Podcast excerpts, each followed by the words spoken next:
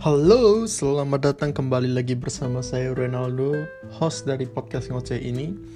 Terima kasih teman-teman yang masih mau mendengarkan sampai sekarang. Saya ucapkan selamat datang di episode yang ke-28 di podcast ngoceh ini, di mana konten ini adalah sebuah podcast tentunya, di mana saya bercerita tentang apa aja, storytelling.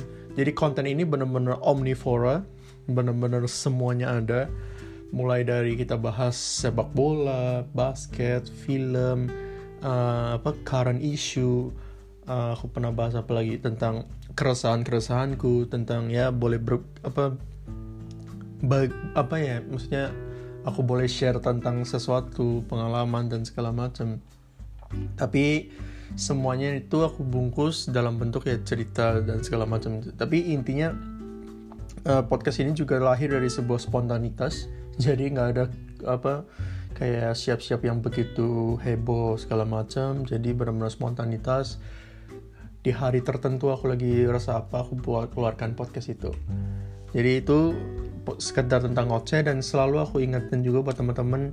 Di awal di satu menit awal selalu ada iklan yang aku taruh dari Anchor berbahasa bahasa Inggris Nah, teman-teman kalau mau support juga bisa melalui anchor.fm, linknya juga sudah tersedia di Spotify itu, di mana anchor.fm ini adalah platform yang mendukung podcast saya supaya bisa didistribusikan atau bisa diupload dan tentunya disebarluaskan melalui Spotify di mana akhirnya teman-teman bisa menemukan dengan mudah konten ngoceh ini di Spotify. Oke, itu Uh, di episode yang ke-28 ini aku pengen secara khusus bahas tentang satu keresahan ya. Satu keresahan yang tiba-tiba muncul yaitu tentang dunia pendidikan. Atau ya ya tentunya ya tentang kependidikan, cara mengajar dan segala macam. Tapi aku nggak mau bahas secara luas bagaimana misalkan memecahkan masalah yang ada di dunia pendidikan sekarang ini karena kalau kita bicara dunia pendidikan kan uh, kita nanti bisa kita nanti bisa runtutnya atau kita bisa ujungnya nih bisa bahas tentang misalkan kenapa Indonesia masih belum maju misalkan kenapa SDM-nya masih bisa ditingkatkan lagi atau misalkan kenapa perekonomian di Indonesia atau angka kemiskinan di Indonesia masih cukup tinggi angka pengangguran masih cukup tinggi atau atau kriminalitas masih cukup tinggi.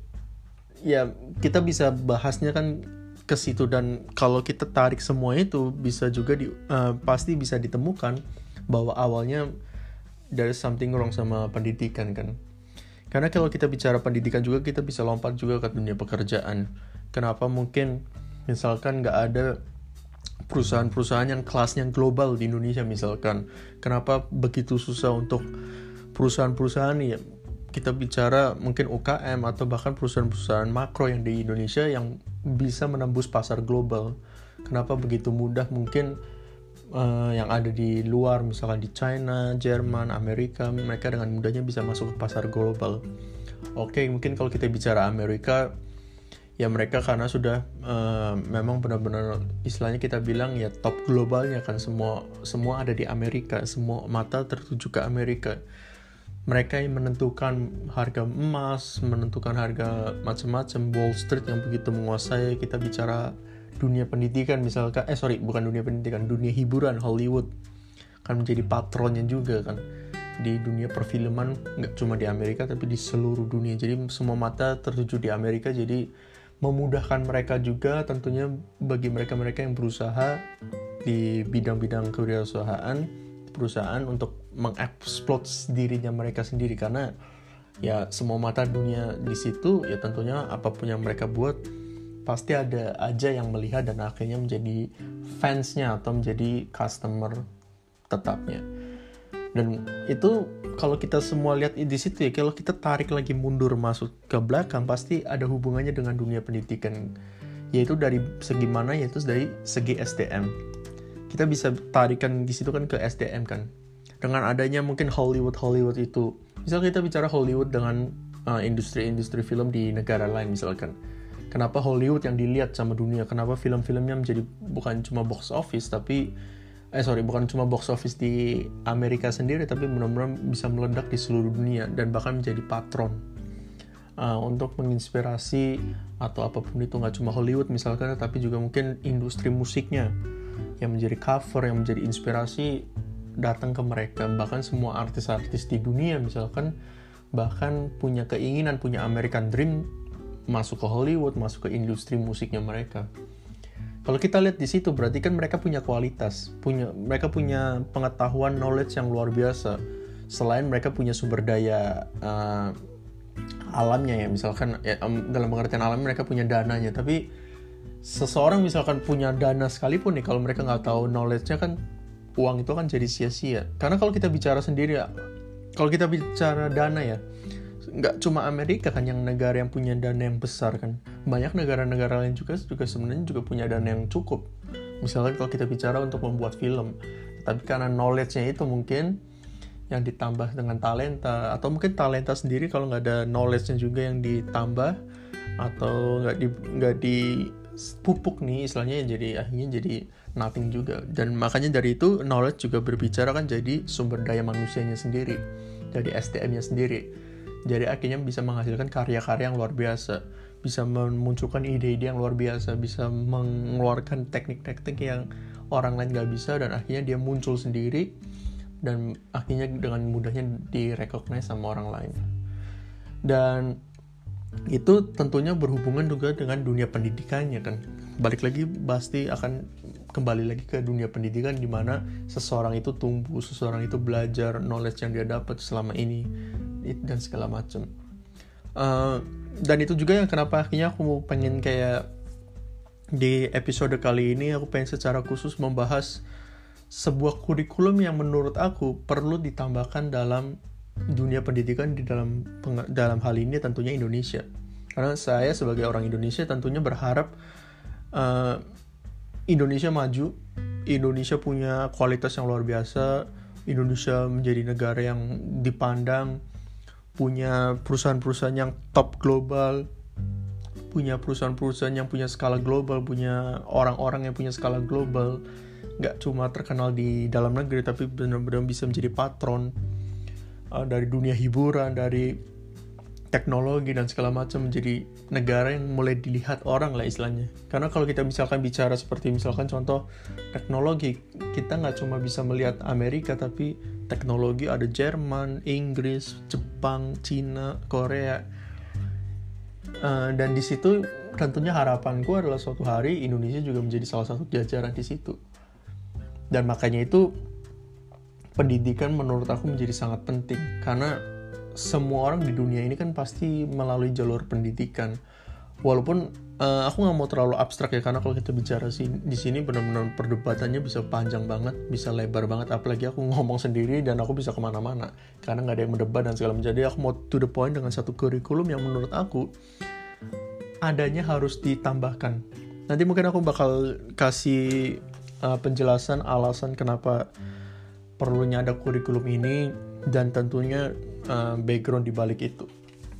Uh, kalau kita bicara pendidikan di Indonesia sekarang ini kan mulai tahun 2019 kan kemarin sejak uh, pergantian atau bukan pergantian tapi periode kedua Presiden Jokowi uh, beberapa menteri-menteri di kabinetnya ini kan ada yang diganti. Tentunya yang tentunya kalau kita bahas uh, dunia pendidikan, menteri pendidikannya sendiri adalah uh, seseorang CEO atau dan founder juga salah satu aplikasi yang saat ini sangat booming di Indonesia itu Gojek. Uh, dan dia ditunjuk oleh Presiden Jokowi untuk menjadi menteri pendidikan itu si Nadim si uh, Mas Nadim itu sendiri kan yang kita suka sebut. Uh, dan dia membuat gebrakan dia membuat salah satu gebrakan dia membuat beberapa gebrakan di dunia pendidikan tentunya dan salah satu yang cukup terkenal adalah dia menghapus ujian nasional di mana lalu akhirnya dia revisi, dia ralat bahwa dia mengatakan bahwa ujian nasional nggak dihapus. Uh, ini kan keputusannya dia berkata bahwa uh, ujian nasional yang tadi sebelumnya itu bakal dihapus akan berlaku di tahun 2021. Lalu dia merevisi bahwa ujian nasional nggak dihapus, tetapi ujian nasional bahkan uh, bakal cuma diganti nih istilahnya menjadi literasi dan numerasi dan menurut sumber yang aku baca, literasi sendiri adalah kemampuan bernalar menggunakan bahasa. Jadi di sini menurut sumber kompas.com literasi itu bukan hanya kemampuan membaca, literasi adalah kemampuan menganalisis sesuatu bacaan serta kemampuan memahami konsep di balik tulisan tersebut. Uh, dan satunya lagi adalah numerasi. Numerasi sendiri uh, di sini adalah secara sederhana dapat diartikan sebagai kemampuan untuk mengaplikasikan konsep bilangan dan keterampilan operasi hitung di dalam kehidupan sehari-hari. Jadi misalkan di rumah, pekerjaan, dan partisipasi dalam kehidupan masyarakat juga sebagai warga negara.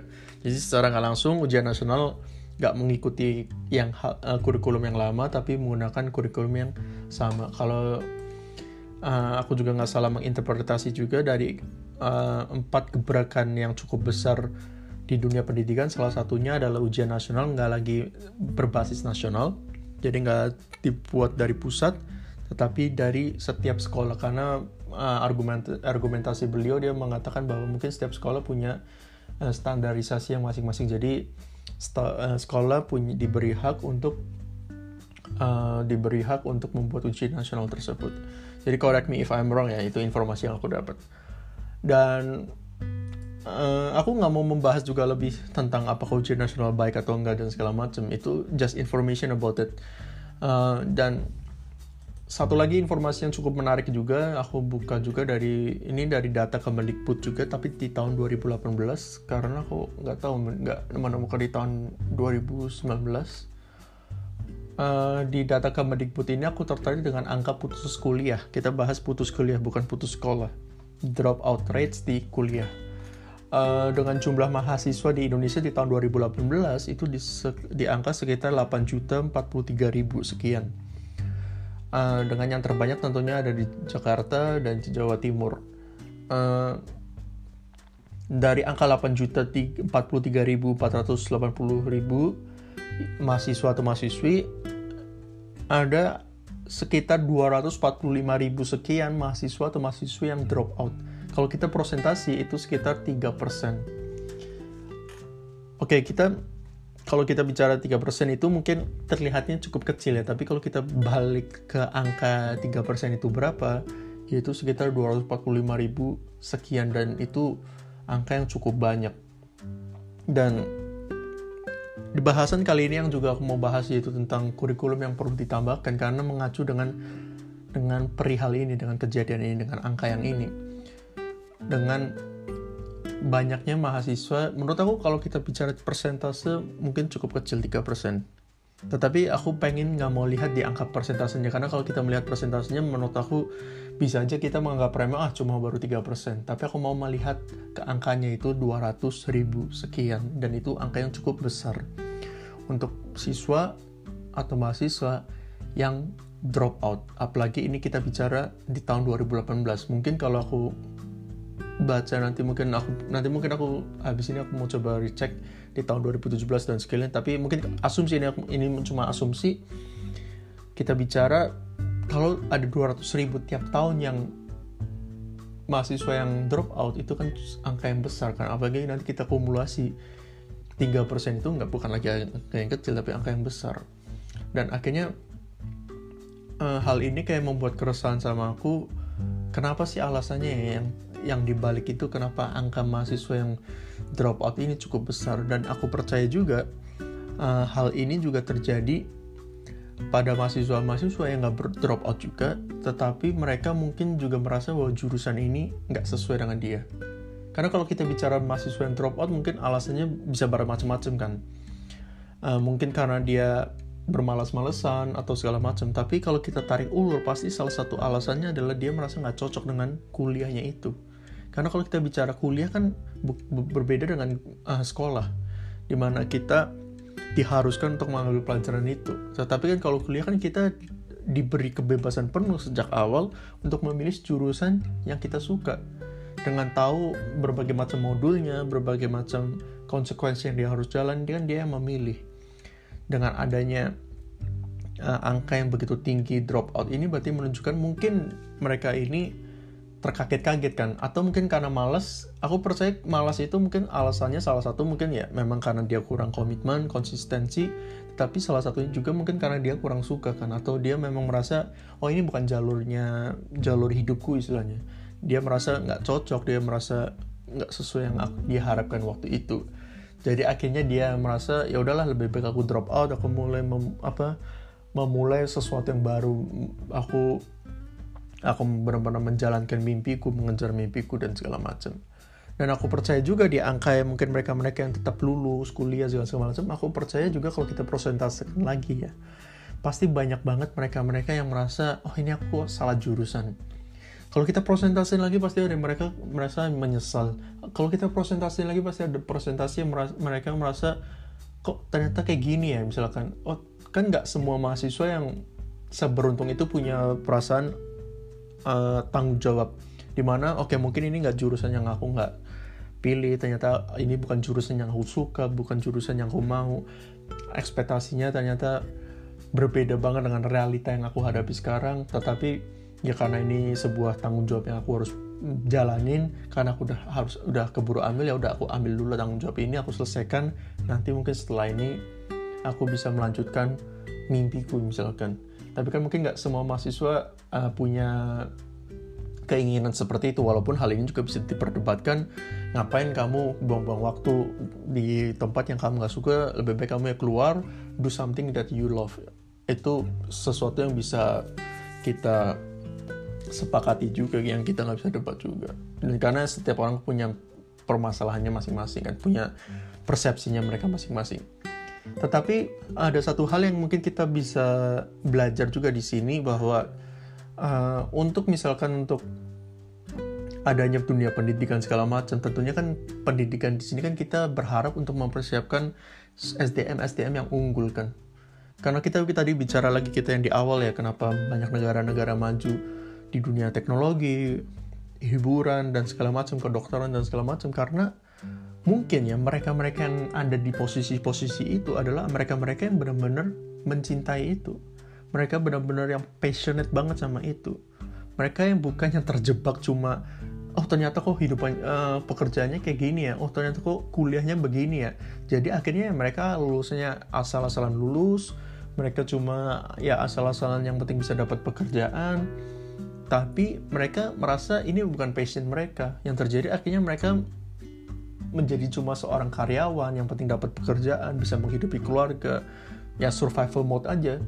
Bagaimana kita bisa mengharapkan dari orang-orang seperti ini atau kita-kita yang seperti ini untuk bisa punya uh, inovasi-inovasi yang maju misalkan kan? Karena untuk bisa punya inovasi kan kita harus bisa benar-benar duduk diam nih di depan pekerjaan kita ini kita benar-benar udah bisa melewati rasa cuma survival mode tapi kita bisa benar-benar mencintai. Ketika akhirnya itu itu mencintai pekerjaan kita apa yang kita lakukan kita mulai mengulik nih ada sesuatu nih kayaknya kita bisa ubah nih ada sesuatu. Tapi kan itu harus dari kita cinta dulu nih sama pekerjaan kita kan. Bagaimana kalau kita nggak cinta kita kan jangankan mengulik yang yang ada kita setiap kali bekerja ya kita cuma bisa kita cuma maunya ngeliat ke jam lah istilahnya kapan nih kita pulang, kapan nih jam 4 sore, kapan nih kita bisa pulang, kita ngumpul di keluarga atau cepetan pulang main game dan segala macam. Jadi akhirnya ya pekerjaan mereka ya asal-asalan. Setiap kali dikasih tanggung jawab sama atasannya ya cuma asal-asalan. Yang penting targetnya terpenuhi, yang penting tapi tanpa dia mengulik sesuatu, mencari inovasi ini, sesuatu ini gimana ya bisa kita gak cuma sampai uh, berstandar nasional tapi bisa berstandar global ya yang harus kita lakukan kita harus mengkulik. Tapi kan itu nggak akan terjadi kalau dia nggak sendiri nggak mencintai pekerjaan itu. Kalau mindsetnya dia sendiri yang dalam pikirannya dia cuma cuma pengennya pulang ke rumah. Makanya itu jadi hal itu kan pasti banyak kesangkut pautannya juga dengan nilai angkanya mahasiswa yang merasa bahwa ini bukan jurusannya dia. Makanya kalau kita tarik mundur lagi uh, jenjang seseorang sebelum kuliah adalah ya mereka-mereka ini yang ada di SMA, SMP dan SD. Makanya itu uh, ada satu kurikulum ya, makanya di sini aku pengen membahas satu kurikulum yang menurut aku perlu ditambahkan. Kalau kita bicara SMP mungkin terlalu dini, mungkin SMA. Nggak cuma di SMA kelas 3 menurut aku harus ada ditambahkan di SMA kelas 2 mungkin.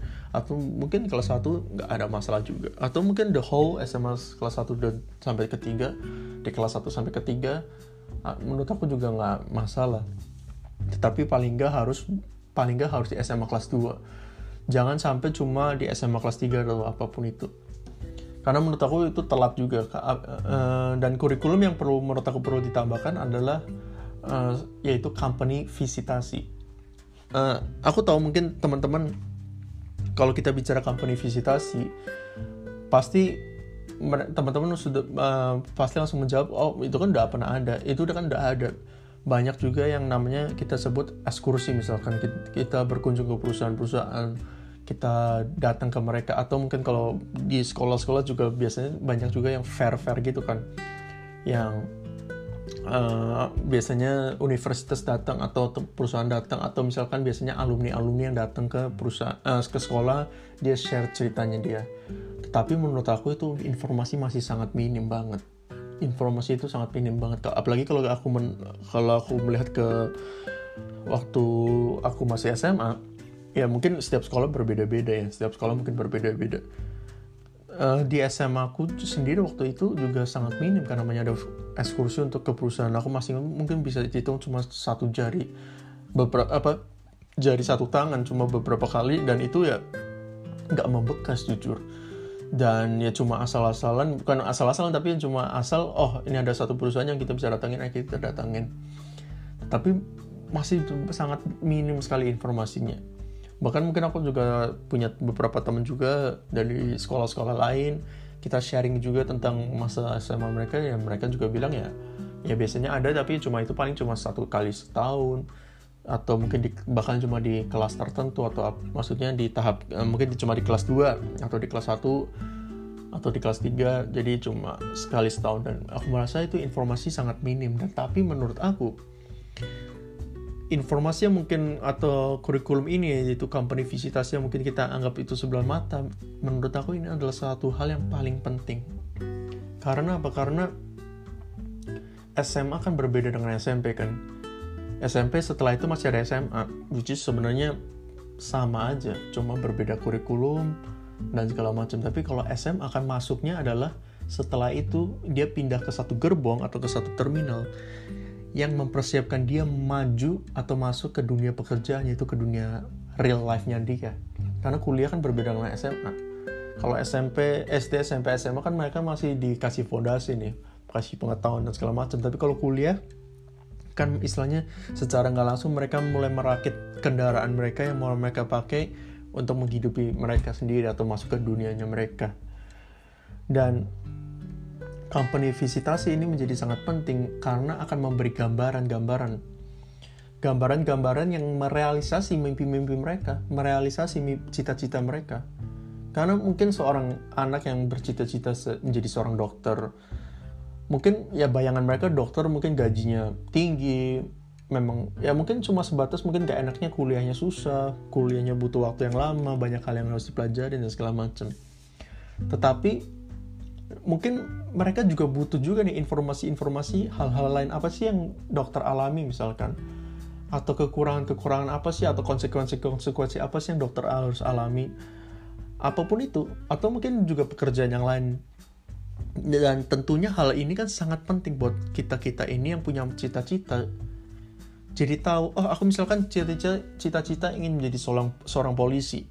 Aku pengen cita-cita menjadi seorang dokter atau apa pun itu dari situ kan kita akhirnya menggabungkan kan cita-cita kita kita dengan adanya kurikulum itu kita company visit kita benar-benar kayak yang profesional kita ketemu kita ngobrol dikasih pengetahuan dikasih komunikasi apa dikasih pembelajaran dikasih knowledge ini loh yang kita hadapin ini loh yang kita harus jalanin ini loh masalah-masalahnya kita oh ini loh kalau di dunia pekerjaan tuh pasti friksinya tuh di bagian sini. Ada orang-orang yang mungkin kita harus hadapi harus gini loh menghandle uh, masalah oh gini loh cara kerjanya kita. Karena kita kan kalau kita bicara seorang dokter dengan seorang engineer pasti kan pemecahan masalahnya kan berbeda. Seorang dokter mungkin bekerja sama atau mungkin dalam ruang operasinya dia mungkin dia tanggung jawab penuh di tangannya dia dibantu dengan asisten asisten asistennya dia yaitu mungkin seorang suster atau siapa pun itu. Berbeda dengan seorang engineer kan? Engineer pemecahan masalahnya nggak di tangannya dia sendiri tapi di dalam biasanya kan biasanya uh, di seorang di sebuah tim work atau di kerjasama tim. Mungkin berbeda juga dengan permasalahannya seorang programmer. Jadi hal-hal seperti itu yang akhirnya dipadukan sama cita-citanya mereka nih. Oh aku cita-citanya jadi seorang dokter.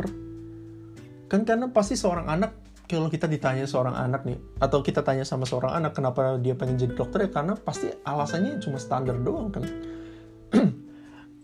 Kalau kita tanya lebih apa konsekuensinya apa segala macam apa kurangnya pasti dia nggak tahu.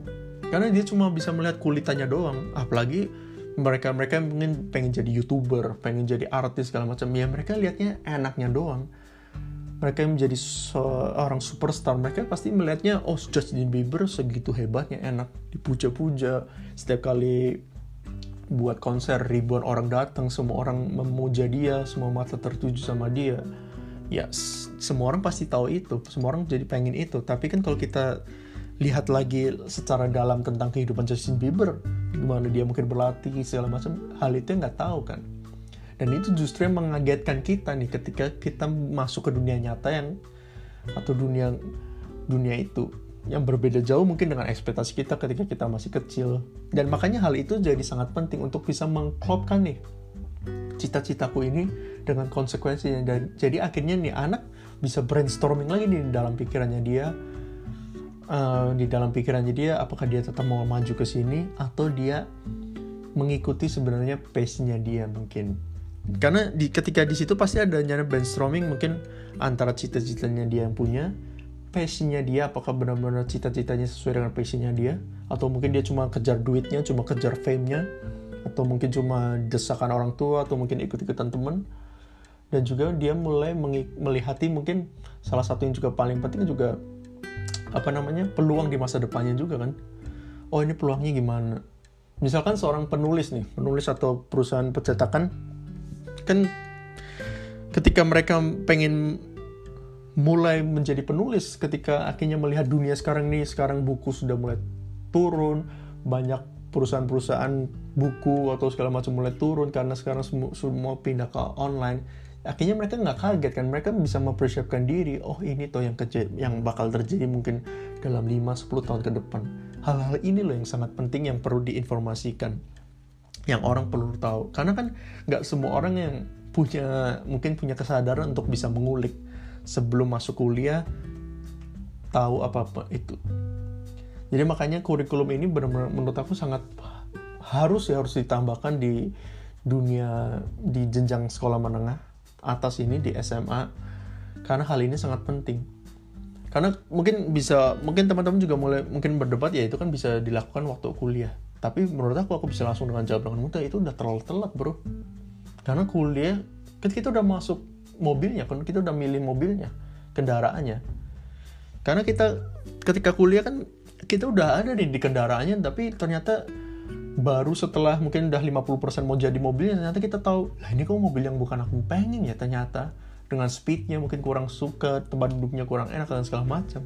Tapi ketika dia mau mundur kan udah telat jujur aku nih kalau aku boleh cerita sedikit tentang aku ya aku punya aku pengen masuk ke dunia perminyakan tuh udah sejak di kelas 5 SD dari kelas 5 SD jujur. Kelas 5 SD kalau ditanya aku pengen suatu hari aku masuk ke dunia perminyakan. Walaupun aku nggak tahu tuh nama pe, apa pekerjanya apa kan.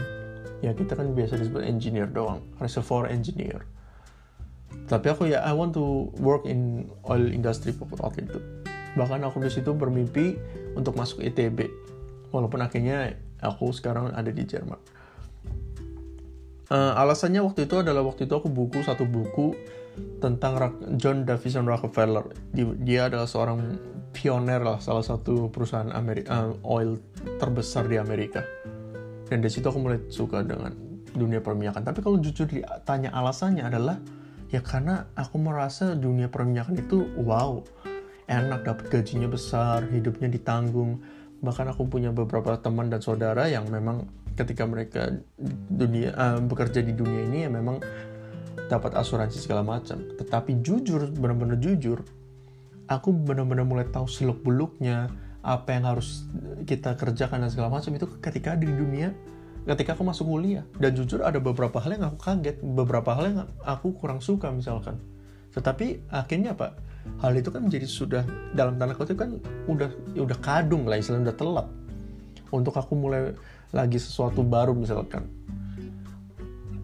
Walaupun memang nggak ada waktu nggak ada kata telat ya untuk seseorang berubah. Tapi kan kalau kita sebagai pemerintah sebagai seseorang yang sudah mengalami kan kita nggak pengen generasi-generasi kita di bawah kita melakukan hal yang sama kan di, yang kita lakukan. Kesalahan sama mungkin yang kita lakukan. Masih beruntung aku masih ketika aku melihat realitanya di dunia perminyakan aku masih kayak bukan yang benar-benar kaget dan langsung nggak suka. Ya aku masih moving on oke okay lah aku masih masih bisa tolerir bisa masih bisa ya kompromi segala macam aku masih bisa suka. Tapi kan aku kagetnya ini di ketika aku sudah memilih nih jurusanku bahkan kalau kita bisa bilang di dunia perkuliahan kan juga pasti company visit juga pasti biasanya juga justru malah mereka-mereka yang udah mulai mahasiswa tingkat akhir kan ya. Yang mereka lakukan sebenarnya untuk memperkenalkan ini loh pekerjaan yang kamu bakal kerjakan dan justru biasanya cuma buat cari di koneksi dan segala macam which is okay. Tetapi kan yang harus juga kita perlu ingat juga yang perlu kita pentingkan juga adalah untuk bisa memberi gambaran dulu nih sebelum kita memilih mobil, sebelum kita memilih kendaraannya itu, kita diberi gambaran dulu, kita diberi benar-benar visi ke depannya gimana segala macam itu ya sebelum jauh sebelum kita memilih mobil itu kan.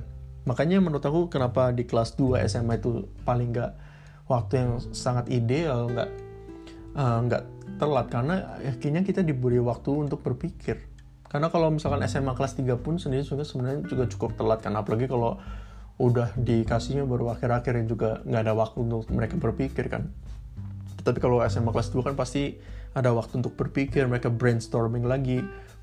Bener nggak ya aku mau ambil jurusan ini? Bener nggak ya dengan konsekuensinya? Dengan mungkin konsekuensinya kan bisa macam-macam bisa kuliahnya bisa panjang nih misalkan. Pelajaran yang dia harus dihadapi harus ini ini pasti ada satu dua model yang mereka mungkin lemah dan nggak suka tentunya kan mereka siap nggak untuk ambil itu misalkan? Mereka siap nggak untuk berkomitmen konsekuensi dengan hal itu dan tetap jalanin tuh? Mereka bisa tolerir nggak hal-hal yang mereka nggak suka dan mereka harus pelajarin tetapi mereka harus dapat? Dan akhirnya mereka satu kondisi di satu posisi di mana mereka benar-benar solid nih. Solid dalam pengertian apa? Solid mereka masuk ke dunia kuliahnya mereka mengambil jurusan yang mereka benar-benar suka mereka cita-citakan dan ketika orang mulai defend dia mulai argumen dia dia juga udah tahu dengan konsekuensinya dia. Mereka udah juga udah tahu dengan apa yang mereka harus hadapin. Dan akhirnya mereka benar-benar ada di posisi yang mereka suka. Kuliah mereka yang benar-benar suka. Atau mungkin ketika melihat dunia itu mereka merasa oh kayaknya aku mau ke jalur di mana mungkin aku mau kejar karirku di di industri musik perfilman dan segala macam ya akhirnya mereka perginya ke situ dan segala macam. Jadinya akhirnya apa? Menurut aku ya jadi akhirnya selain kita bisa menurunkan angka drop out ini mereka yang putus sekolah tetapi yang lebih penting dari situ adalah kita bisa memastikan nih posisi-posisi yang ada di dunia pekerjaan bahkan yang potensial adalah mereka-mereka yang benar-benar jatuh cinta sama pekerjaannya mereka bukan mereka-mereka yang merasa mereka terjebak dengan pekerjaannya mereka. Yang terjebak dengan 9 to 5, yang pekerja, yang terjebak menjadi seorang karyawan. Yang terjebak karena yang penting gampangnya doang istilahnya. Yang penting dapat duit, pulang kantor, ya udah. Tapi karena mereka nggak seneng dengan pekerjaan itu. Dan pasti aku percaya 100% banyak pasti tanya deh sama teman-teman yang ada di kuliah sebenarnya passion mereka nggak di situ sebenarnya mereka ya mungkin terkaget-kaget dan segala macam. Di sini aku nggak mau bicara juga ya misalkan buat teman-teman yang mungkin yang harus dipaksa orang tuanya segala macam ya itu mungkin hal lain juga. Kalau kita bicara situ ya kita bukan temanya pendidikan sih itu lebih ke tema parenting yang di mana sebenarnya aku belum bisa ngomong untuk hal itu. Yaitu tapi kalau kita sedikitnya ignore dulu deh dari uh, presentasi yang itu. Tapi kan pasti banyak juga kan kita kita yang akhirnya merasa terbuka nih matanya oh ternyata ini tuh jadi akhirnya potensi-potensi itu justru mereka jadi mereka-mereka yang benar-benar jatuh cinta kita nggak perlu dulu gede kita bicara mereka-mereka yang punya top tapi kalau kita punya posisi-posisi itu adalah mereka-mereka yang jatuh cinta banget sama pekerjaan itu, jatuh cinta banget dengan apa yang mereka lakukan, percayalah dia pasti kulik. Dia menjadi orang yang paling penasaran. Dia akhirnya terus udah mau jatuh nih. dia benar-benar jadi orang yang paling penasaran di bidangnya dan dia kulik banget. Ketika dia lihat Jeff Bezos, Jeff Bezos, ketika dia lihat siapa namanya, siapa CEO-nya Apple aku lupa. Uh, Steve Jobs. Ketika dia lihat Steve Jobs. Kenapa ya uh, seorang programmer ini atau Elon Musk seorang programmer seperti dia dia bisa mengembangkan perusahaannya? Bahkan nggak cuma berskala nasional tapi benar bisa berskala global menjadi salah satu orang yang berpengaruh di dunia. Akhirnya dia kulik kan dia kulik kulik kulik banget. Karena dia merasa hidupnya dia di situ nih. Nggak cuma yang cuma bekerja supaya menghasil menghidupi keluarganya segala macam. Jadi kan kasihan. Karena kalau percaya juga banyak orang yang drop out juga kan. Akhirnya yang mereka lakukan ya bersyukur sama mereka-mereka yang drop out mereka kejar mimpinya. Banyak kan yang sukses. Kayak contoh misalkan Bill Gates Bill Gates juga drop out dia kejar mimpinya kita bicara kalau di Indonesia ada salah satu youtuber sebenarnya nggak banyak sih yang juga uh, kejadian serupa. Uh, yang aku suka juga salah satunya ada si Tara Arts mungkin teman-teman yang penyuka YouTube gaming dari lama pasti tahu namanya Tara Arts di Indonesia. Dia drop out juga eh, bukan drop out dia meninggalkan kuliahnya dia kuliah cuma enam bulan dia kejar mimpinya. Tapi banyak juga kan akhirnya teman-teman yang drop out nih teman-teman yang drop out mereka nggak kejar mimpinya kan? Yang mereka lakukan ya cuma survival mode yang penting bisa bertahan hidup mencari pekerjaan seadanya dan itu yang hal yang sangat disayangkan. Dan kalau kita bicara itu ya kita nggak usah bermimpi lah Indonesia menjadi negara yang punya sumber daya manusia yang unggulan. Kalau mentalnya kita cuma seperti itu. Mungkin nggak aku nggak bicara mental tapi karena orang-orangnya itu ya terjebak itu mereka nggak ada di posisi yang sebenarnya mereka kita bayangin aja Cristiano Ronaldo ada di posisi gawang seorang Buffon Casillas menjadi seorang penyerang kita nggak akan pernah kenal nih siapa mereka kan Kenapa Cristiano Ronaldo, Buffon, Messi menjadi seseorang yang kita kenal karena mereka ada di posisi yang tepat. Dia benar-benar cinta banget nih posisi sebagai seorang penyerang, sebagai seorang penjaga gawang, keeper, back. Dan akhirnya bisa mereka bisa mengulik banget nih. Oh, aku mau keluarin potensi terbaikku menjadi seorang penyerang nih. Menjadi karena mereka ada di posisi yang tepat. Itu sih yang aku rasakan. Jadi akhirnya kita menjadi industri-industri yang unggul nggak cuma industri-industri yang cuma orang-orang di bawahnya cuma berdasarkan kemampuan mereka atau apa berdasarkan survival mode yang mereka punya kita mungkin nggak bicara lebih jauh lagi mungkin gajinya kecil segala macam. Oke okay lah mungkin. Itu bisa bahasan yang lebih panjang lagi. Kan sekali lagi ini kan sesuatu yang uh, sesuatu yang makro banget lah. Islam memang sesuatu yang besar banget sesuatu yang rumit juga kan komplikasinya. Untuk bisa membuat negara maju misalkan atau bisa membuat industri itu maju. Memang faktornya banyak banget. Tapi kan salah satunya tentunya adalah mungkin dengan kecintaan orang di sini sih. Dengan kecintaan orang terhadap pekerjaannya itu menurut aku salah satu persentase yang cukup besar ketika seseorang udah cinta nih sama pekerjaannya dengan apa yang dia lakukan pasti dia kulik Seorang kalau cinta sama sesuatu dia pasti kulik kan, dia pasti kejar, dia pasti keluarkan potensi yang terbaik. Dan hal itu dia lakukan ketika dia sudah tahu nih jalan. Ketika dia nggak ada yang namanya rasa kaget. Waduh ternyata kayak gini. Aku nggak suka, ternyata aku nggak suka. Nah udah terpaksa udah semester tinggi, udah semester akhir. Ya mau kuliah lagi. Masa mau kuliah lagi umur udah udah segini, udah buang-buang uang banyak ya udahlah. Yang penting artinya bisa dapat kerjaan survival mode aja kan nggak nggak kan nggak banyak kan yang mereka bisa berani tetap jam yang punya mindset ya aku sekalipun sudah cukup berumur hampir kepala tiga tapi aku mau membangun mimpiku tetap kan nggak semua orang punya itu jadi hal ini menjadi sangat penting sih untuk bisa punya kurikulum ini. Aku nggak tahu apakah ini bisa didengar sama seseorang yang punya kuasa atau segala macam. I don't know. Anyway juga podcastku juga cuma cuma sedikit juga yang denger. Tetapi someday mungkin ini bisa terdengar atau mungkin someday ketika aku punya power itu I wanna do it I wanna do it. Uh, karena ini menjadi sangat penting. Dan ini bisa menjadi sebuah fondasi yang begitu penting untuk kita bisa melihat orang orang-orang di Indonesia nih punya power di dunia karena mereka ada di tempat yang mereka paling cintai dan mereka kulik itu. Mereka kulik itu tiap tiap hari jam kerjanya jadi nggak cuma 9 to 5 tapi ketika bunga bata itulah jam kerjanya. Aku masih ingat dengan kata-katanya si Elon Musk. Jam kerjanya dia itu bukan 9 to 5 jam kerjanya dia itu adalah ketika dia buka mata ketika pagi hari dan jam selesai kantornya adalah ketika dia tutup mata ketika dia mau tidur.